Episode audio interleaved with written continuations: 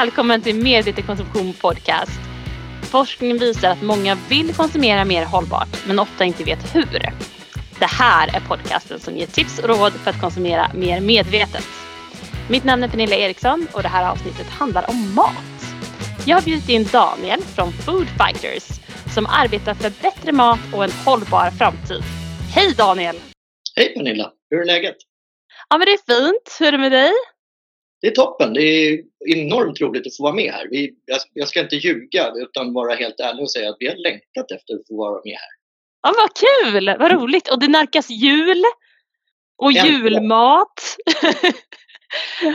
det är ett väldigt hett ämne som vi ska prata om idag. Det här med hållbar mat. Det är ju, maten står ju för nästan 30 procent av vårt klimatavtryck. Eh, så ja, hållbara val i matbutiken, det är väl en, en grej som kan ge stor effekt på vårt eh, klimatavtryck, eller hur? Jag skulle säga att det är den grej som faktiskt har störst avtryck. Och det handlar inte bara om klimat, det finns andra miljöaspekter och sen har vi också folkhälsa. Eh, men jag tror att vi behöver lyfta upp maten i den här problematiken. För det är inte flygresor, det är inte bilar, det är inte plast, det är inte våra kläder utan det är maten som står för den största påverkan både på oss själva som människor och på vår planet. Så att det är ett enormt viktigt ämne. Eh, och nu ska vi dessutom prata julmat som är det mest traditionstyngda vi har och det mest älskade vi har. Eh, och jag kan stundtals känna så här, ja men vi, vi kan nog äta mer eller mindre som vi gör under vissa perioder om vi väljer bra kött, om vi gör de här delarna. Vi som startade Foodfighters gjorde det egentligen beroende på det du sa. Det är för svårt att välja rätt. 76 procent av alla svenskar tycker att det är svårt att välja rätt. Varannan svensk tycker att det har blivit ännu svårare det senaste året. Så vad vi bygger är egentligen en, en tjänst av konsumenter för konsumenter för att göra det enkelt. Där vi jobbar med automatiserad och forskningsbaserad scoring för klimat, miljö, hållbara villkor, pris och hälsa. Där du antingen guidas av oss eller helt enkelt bara lutar dig tillbaka och är lat och gör världen bättre. Och låter Ja. oss besluta åt dig. Ja, det låter ju helt fantastiskt. För det, som det är idag så måste man ju vara ganska påläst för att göra medvetna val i, i butiken. Jag tycker att eh, det, finns, det finns inte en chans att göra hållbara val om du nu inte tar steget och går ifrån en traditionell kost och går hela vägen till, till veganism. Utan om du vill göra de här små förändringarna så finns det i en livsmedelsbutik närmare 50 olika märkningar. Eh, det är nästan ingen av oss som orkar ta reda på vad de står för och vad de skiljer sig åt och på vilket sätt. Och sen så har du nya forskningsrön som kommer och då står det gärna ladda ner vår 72-sidiga pdf-fil för att lära dig mer. Och det, det är ingen som gör det utan det är, så här, det är för jäkla krångligt och vi bygger en tjänst för att göra det otroligt enkelt. Ja, det känns som att ni är rätt på spåren, någonting som det finns ett stort behov av. Ja, men vi behövde den själva. Vi, vi brukar säga att jag är urtypen för en lat medelålders svensk. Jag vill, ja, men ja, det, det stämmer. Jag, är så här, jag vill ta hållbara val. Men jag orkar inte, jag anser inte att jag har tid. Det finns andra aktiviteter och, och den delas av, av människor. Det är 70, 67 procent av alla småbarnsföräldrar uppger att det som ger mest upphov till gräl i vardagen och det som tar mest tid i vardagen är vad ska vi äta för till middag? Mm. det det behöver förenklas på så många olika plan och det är ett, det är ett komplext system. Eh, matens klimatpåverkan är större än alla våra transporter. Det är till och med så svårt att välja rätt så att till och med de som tror att de gör rätt har fel. Mm. Ett exempel är att sju av tio svenskar tror att det bästa de kan göra för att minska matens klimatpåverkan är att köpa närproducerat. Och det finns massor med fördelar med svenskt jordbruk. Men matens transporter står för 3% av den totala klimatpåverkan. Och faktum är att svenskars resor till och från livsmedelsbutiken har högre klimatutsläpp än all mat vi importerar. Och då ger vi oss in på ett spår där 7 av 10 svenskar tror att de gör nytta, men de gör nytta inom den lilla, lilla del som ger minst nytta. Så att det handlar mer om produktionsvillkor, hur vi producerar vår mat och vad vi äter. Ja, det här var ny information för mig också. Wow, vad, vad lite man vet ändå. Jag, jag, jag har kämpat några år nu och tillskansat mig lite kunskap i det här ämnet. Ja, ja vad kul, för det, mat är ändå någonting som vi konsumerar varje dag. Eh, så, och så här inför jul så är såklart mat ett väldigt stort fokus. Vi köper ju rätt mycket mat inför jul. Det är ju väldigt traditionell högtid för många av oss och maten står i fokus. Eh, har du några enkla tips för att äta mer hållbart i jul? Ja, vad det gäller att äta mer hållbart så tror jag att en av nycklarna, och framförallt vid jul där, där aktivitetsnivån består av att mestadels ligga i soffan och kolla på TV och med jämna mellanrum gå upp och fylla magen. Så är det, så här, det, det, handlar om att planera. Vi behöver planera bra. Och det är dels vad vi köper, men om vi tar, om vi tar dels vad vi planerar inköpen. Någonstans är det så här, det, det mest onödiga klimatpåverkan vi, vi har på den här planeten är matsvinn. Mm. Om matsvinn vore ett land så skulle den ligga på trea av alla länder i världen vad det gäller klimatutsläpp. Så att vi behöver planera och framförallt nu med de livsmedelspriser som finns så är det också en enorm resurslöseri för plånboken, inte bara för planeten. Så att planera vad vi ska käka, det går ju att komma ihåg vad vi fick över förra året.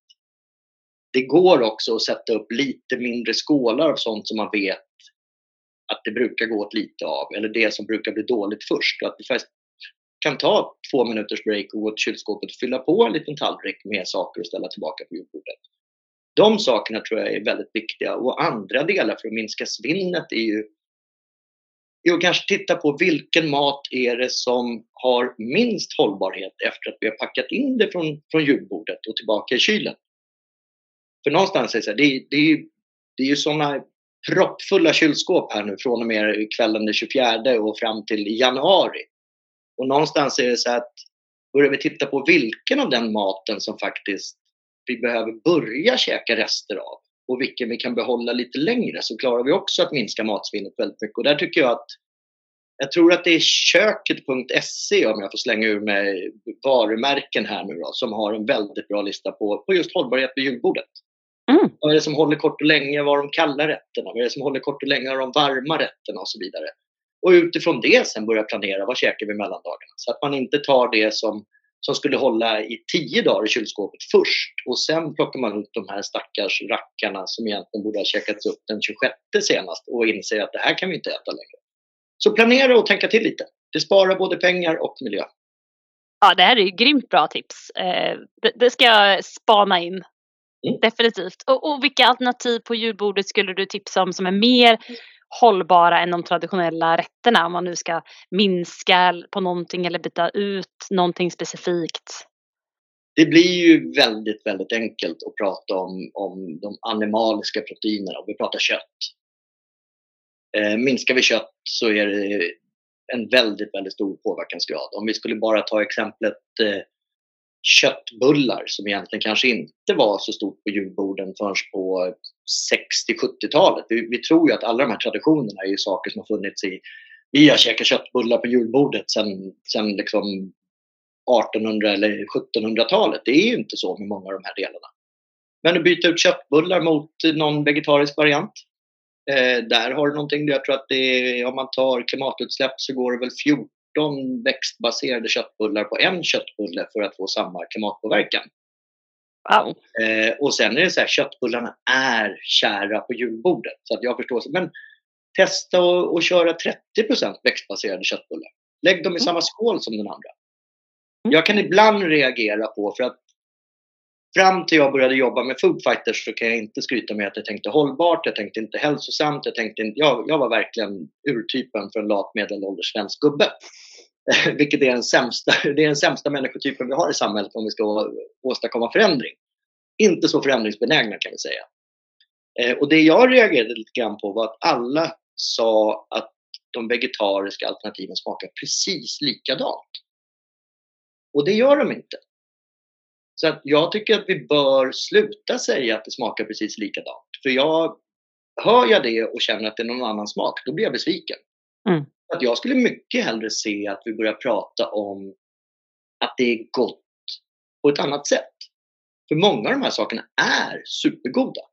Men det är inte precis samma sak som det andra och där tror jag att många kan backa. Utan sluta säga att det är samma sak. Det är ett alternativ. Just det, så att man sätter rätt förväntningar. Ja. Och sen om vi går till julskinkan, eh, gris har ett mycket, mycket lägre klimatutsläpp än vad nötkött har. Men vad det gäller Sverige och vår julskinka så är det ju en av de saker som, som har nitrit i sig. Och nitrit har man för att kunna eh, undvika en baskelusk som har ett jättekrångligt namn. Jag tror att den heter någonting i stil med Oj, nu vet jag knappt om jag vågar, vågar slänga mig ur det. Men det, det är en, eh, en bakterie som gör att, jag tror den heter Clostridium botulinum och jag kan ha hur fel som helst och du kommer få klagomål på podden. Ja. Men det är någonting i det. Men där har man också bevisat att, att den undviks om vi bara håller de, de hälso och hygienregleringar som, sker, som ska ske i livsmedelskedjan. Nitrit är bevisat att det är cancerogent. Det är det som ger julskinkan den, den rosa fina färgen. Eh, I Sverige är det lika svårt att hitta en julskinka utan nitrit som det är att hitta en julskinka med nitrit i Finland till exempel. Både Finland och Danmark ligger mycket längre före oss.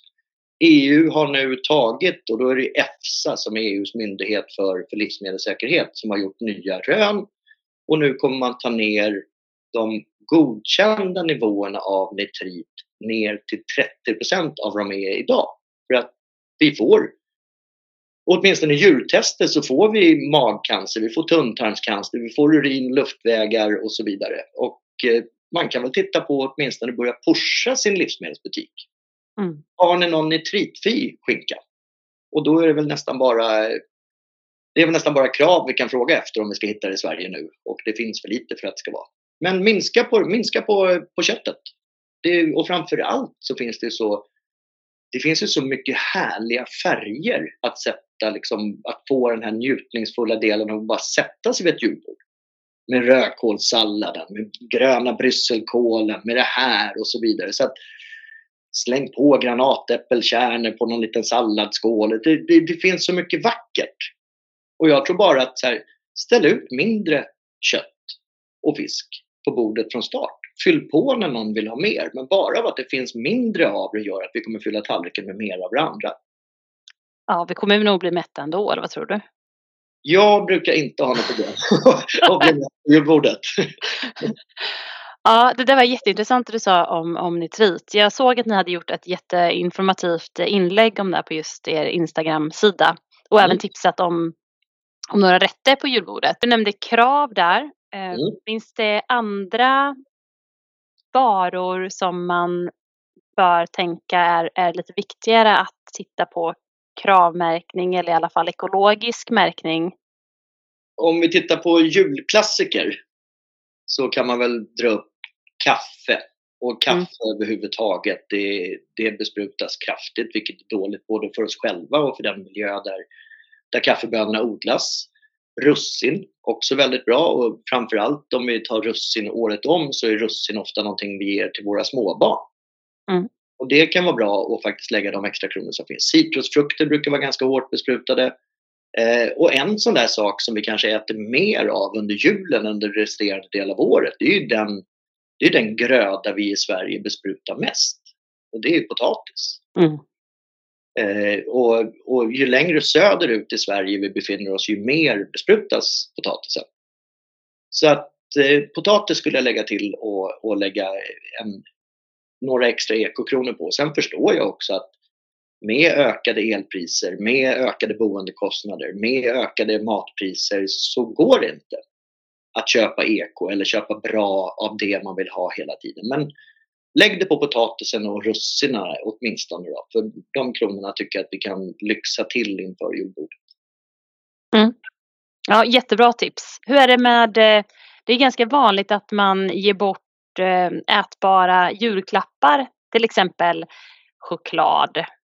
Eh, har du några tips gällande, ska man kolla på något speciellt i ingredienslistan, chokladkakorna man köper till sina nära och kära? Jag älskar ju själv choklad eh, och vad det gäller chokladen så kommer man ganska snabbt in på palmolja. Mm. Eh, och palmolja är ju en av de krafter i livsmedelssystemet som faktiskt driver skövlingen av regnskog. Och då pratar man oftast direkt om, om Amazonas men vad det gäller de här bitarna så är det ofta mer eh, Indonesien, Borneo och så vidare.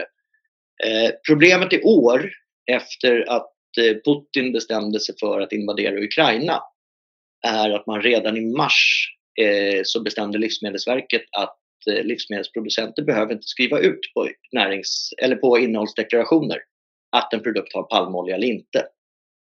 Eh, vi på Foodfighters har de senaste två åren publicerat en lista varje år om vilka pepparkakor som har och inte har palmolja i sig.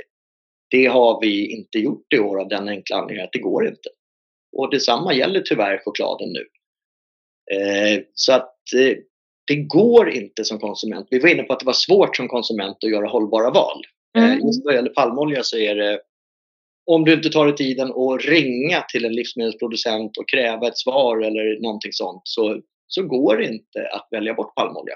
För det, du vet inte vad, det, det enda som står numera är att det är matolja. Och palmolja är någonting som vi grävde i väldigt tidigt när vi startade Foodfighters. Och, och för mig så blir det jag ska inte säga parodi, för det har ju ändå någonting roligt. Alltså, mer en tragedi. Mm. Alla världens stora livsmedelstillverkare hävdar att just deras palmolja är certifierad och hållbar. Och om vi då tittar på hur mycket de största livsmedelsbolagen både i Sverige och globalt använder så blir det en omöjlig matematik. För det är ungefär 3% av den globala palmoljeproduktionen som är certifierad och hållbar. Så det är, ja. bara, det, det, det är bara lögn. Det är bara lögn och skitsnack. Och jag eh, kan ta det här efter nyår med dig när vi har en hel dag. För nu, nu annars är risken att jag verkligen går igång på det här. För det finns så mycket i livsmedelssystemet som gör mig förbaskat upprörd. Och det här är en, ett av de områdena förstår jag? Det är definitivt ett av de områdena. Sen får man också inse att, att i EU så säljs det mat för 2500 miljarder euro. Och när det omsätts då 25 000 miljarder kronor per år i, i mat så är det självklart en marknad där företag och organisationer kommer tänja gränser, kommer fuska. Eh, och det kan vi enbart ändra på genom våra val. Mm. Och just nu kan vi inte riktigt välja rätt vad det gäller palmolja. Nej, för det är ju någonting som jag reagerat på tidigare år att just det är så mycket att det förekommer palmolja i många sorters pepparkakor, även av, av lite finare märken, eh, pepparkaksdegar och även de här traditionella chokladaskarna man ger bort. Det är ju jättevanligt med palmolja och att inte, att inte företagen har kommit längre. Mm. Ja, jag håller med. Det, och det är så här, när, när vi tar, om, vi tar en av världens största livsmedelsproducenter, de kanske inte den största, när Nestlé går ut och säger att de kan inte garantera att det inte används barnslaveri i deras produktion. När några av de största bolagen i världen säger att vi kan inte garantera att det sker fusk med vår palmolja. Så är det, det är, ursäkta uttrycket, men det är bara skitsnack. Skulle de vilja så skulle de kunna ha folk på plats där man garanterar att det inte sker, som har övervakning på det. Jag, jag jag önskar att jag inte hade så mycket att vara förbaskad på, men jag kan, jag kan nästan sådär fundera på att FN kan skicka väpnade styrkor till områden där det är oroligt eller krig.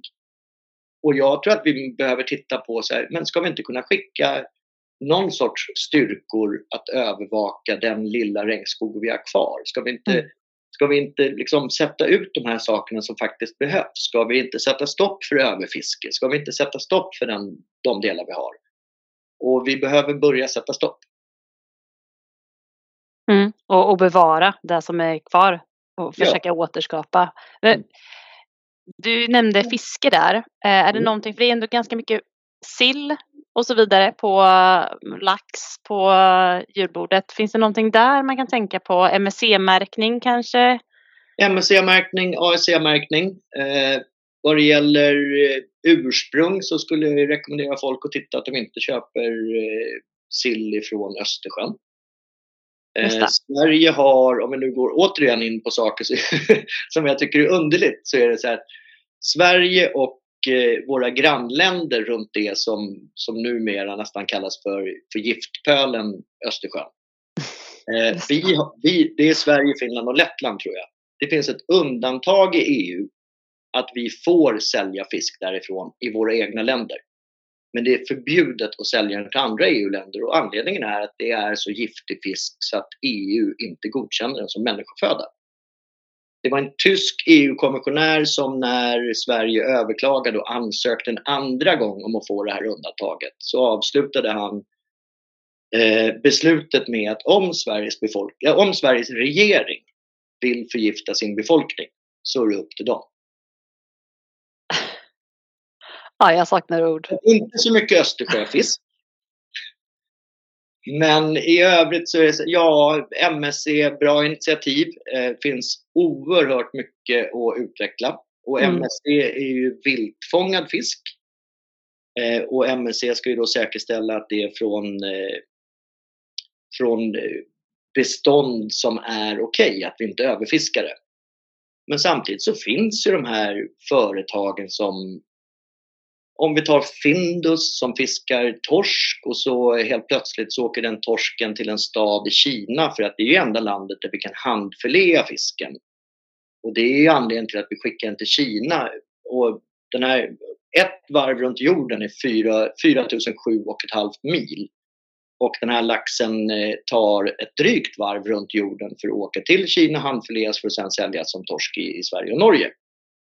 Eh, och då säger man att det är för att de får ut mer eh, filé eftersom det handfileas.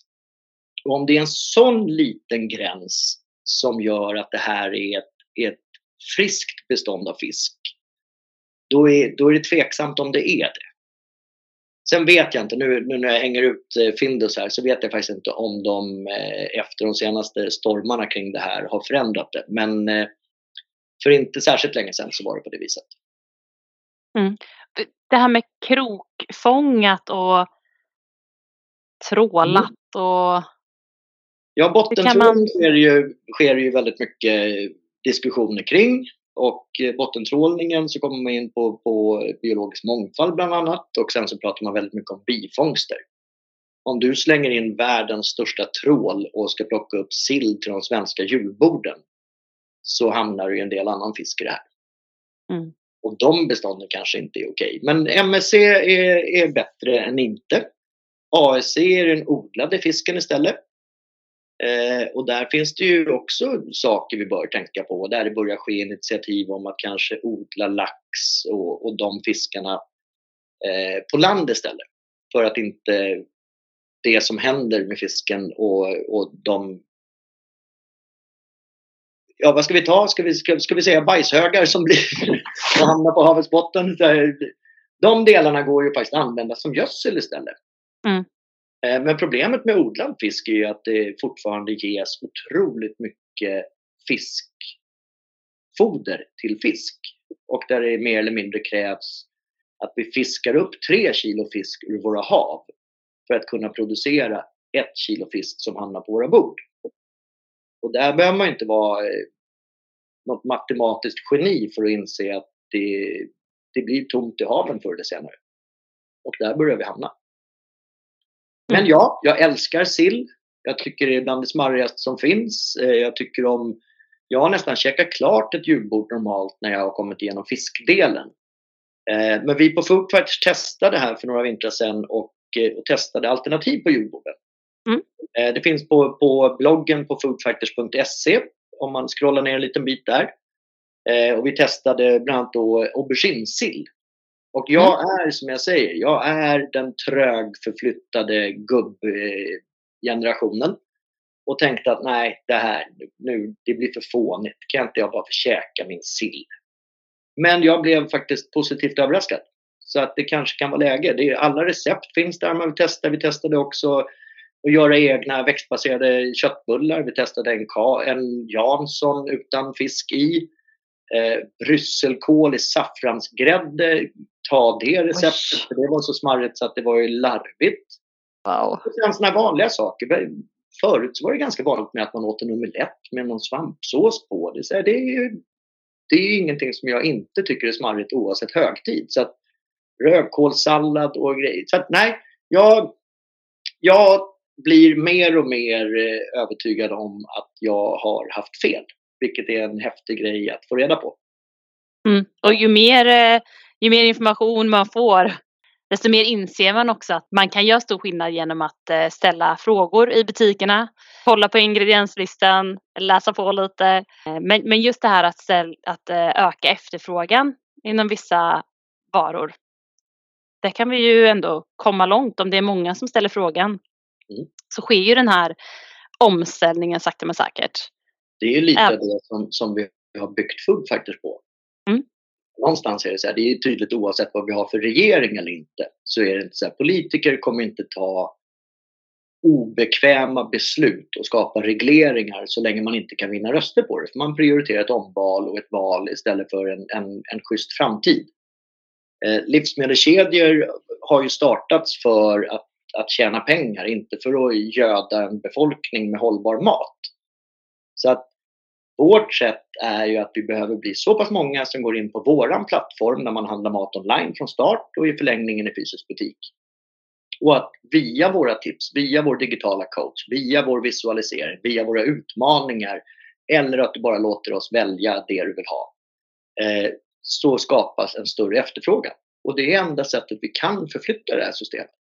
Ju fler som väljer rätt, ju mer kommer livsmedelskedjorna se att vänta nu, nu tappar vi i försäljning kontra den här livsmedelskedjan som leder utvecklingen. Mm. Antingen så blir vi kvar på perrongen eller så får vi börja springa lite snabbare och lite mer hållbart. Mm. Så det finns ändå en, en konsumentmakt. Vi kan ändå påverka. Ja, det är väl bara att titta på medveten konsumtion. Det är en fantastisk organisation med är det tiotusentals följare som faktiskt går in och tittar på alla de delar som ni delar med er av. Så att ja, absolut. Mm. Ja, och, kul! Nej, jag, jag var inne på det här med att små förändringar ger stor skillnad. Vi tittade på ett exempel och det är trots allt så här, nu har den vegetariska och den veganska trenden slagit av lite. Det är inte fler som blir vegetarianer, det är inte fler som blir veganer. Vi har börjat käka mer kött igen de senaste två åren. Men man behöver, man behöver inte förändra allt. I, och jag tror att det är det som är motståndet för väldigt många, att man tror att man behöver förändra så himla mycket. Så när vi på Food Fighters pratar om vad vi vill uppnå så har vi, vi har slopat uttrycket förändra. För de flesta människor är förändra, det är någonting jobbigt. Oj, oj, usch, det är säkert något jag inte ens vill göra. Så när vi pratar om den processen så handlar det om en förbättring. Bättre mat för dig, bättre mat för planeten. Den är inte krånglig. Och de här små stegen, om 90% av Sveriges befolkning fortfarande äter animalier, vilket är, så är det. Eh, om, de, om den andelen av den svenska befolkningen skulle käka 10% mindre animalier och mejerier, och 10% är tre frukostar, tre luncher, tre middagar i månaden. Då blir klimatbesparingseffekten lika stor som vi parkerar 797 000 bilar i ett helt år. 10 Cool. De här, de här små, små stegen ger en enorm effekt. Och dessutom är det så här, du blir friskare. Den du älskar och bor med blir friskare.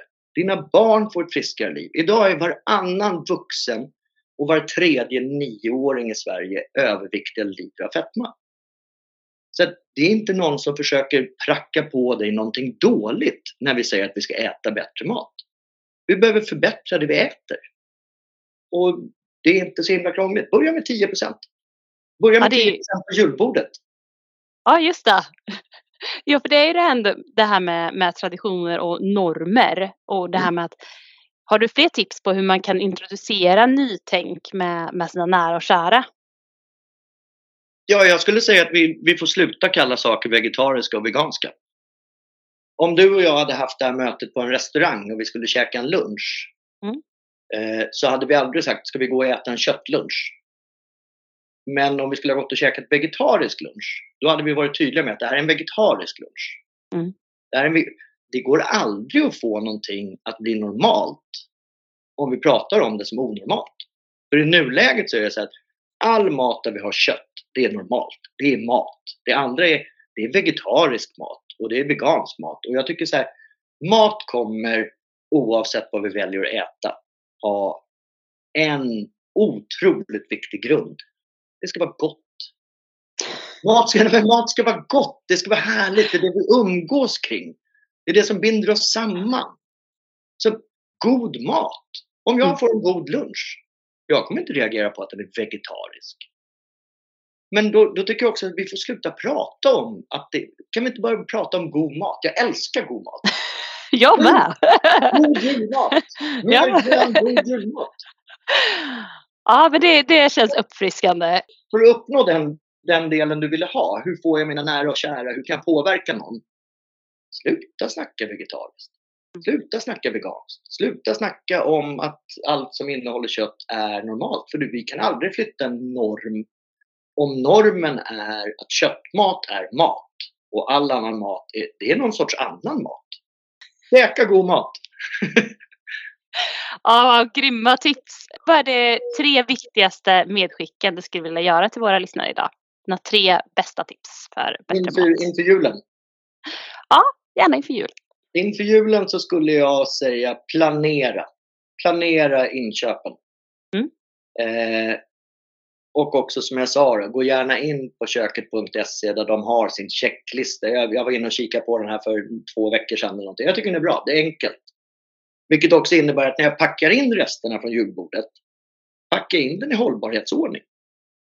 Mm. Så att inte det som har kortast hållbarhetstid hamnar längst in, för då kommer den bli dålig. Det. Utan packa in den utifrån så här, det här, och så kan man redan där också säga, det här receptet, ja jag gör, jag gör det här, jag gör pyttipannan eh, då och jag gör det här. Så att planerandet. Och sen vet jag hur tufft det är att planera. Jag är, jag är inte bra på att planera. Jag, nej, men det är, nej, men vi, vi är konsumenter och vi bygger en tjänst för konsumenter. Vi känner ju de här sakerna själva. Vi vet hur det är. Mm. Men den tycker jag är särskilt. Planera vad du handlar och planera hur du ställer in rester i kylskåpet. Det är fantastiskt enkelt. Eh, minska ner på köttet. Och det, vi kan säga så här, planera då för att äta lika mycket som du brukar göra eller 10% mindre. Mm. Till att ställa ut lite mindre på bordet. För folk kommer hitta saker som inte är just julskinkan, prinskorven, köttbullarna och vad det är. Som de kommer gilla. Som de kommer käka sig mätta av. Och börjar det bli tomt på det där julskinkefatet. För slicea upp, vi behöver inte ställa ut 1,6 kilo skinka på ett julbord. Vi kan faktiskt slicea upp det. Det är inte, det är inte så att någon Ramaskrien kommer vara högre om Kalle Anka ställs in än om det inte står en julskinka på bordet när vi börjar. Bara det mm. skinka för de som verkligen vill ha. Men minska ner lite på köttet. Och sen om man verkligen, verkligen, och det här kanske inte är jultips, men så här, om man vill ha en enkel, rolig väg för att äta och handla mer hållbar mat. Bli en foodfighter. Gå in på vår hemsida, den, den håller på att göras om. Det är inte så att vi är stolta över den i nuläget. Men man kan gå in på vår hemsida och signa upp sig för att bli en foodfighter. Då har man möjligheten att dels vara med och testa prototypen som vi håller på med nu. Vi kommer lansera tjänsten under första eh, kvartalet 2023. Och ni kommer få hjälp med alla de delar som är krångliga att välja. Och det är så här, vi handlar mat på slentrian. Vi har mellan två och fyra sekunder på oss vid ett beslut. Så Normalt handlar man det man alltid handlat för att det är enkelt och det är igenkänning. Och fortsätt vara lat, men använd oss så, för vi gör jobbet åt dig. Ja, så spännande. Jag ska följa er med spänning. Mm. Grymt bra tips eh, till en mer medveten jul. Och frysa in maten kan vi göra också, eller hur? Ja, och ja. Det här, återigen, nej men kökets den här sidan, det är så här, det här går att frysa in. Det här går inte att frysa in. Det här håller i kylskåpet 2 till 3 dagar. Det här håller i kylskåpet i 6 till 7 dagar. Så att jag tycker att det, jag är en bekväm människa. Jag tycker det är skönt att kunna hitta enkla, bra tips. Och det finns massor med bra, enkla tips där. Men planera bra. Eh, packa in resterna i hållbarhetsordning och ha en riktigt, riktigt härlig jul. Tack detsamma till dig. Jag är övertygad att våra lyssnare har fått massa bra idéer som är till stor nytta så här inför, inför jul. Så stort tack till dig Daniel och eh, jag passar på att önska dig en riktigt god jul. Tack och tack detsamma.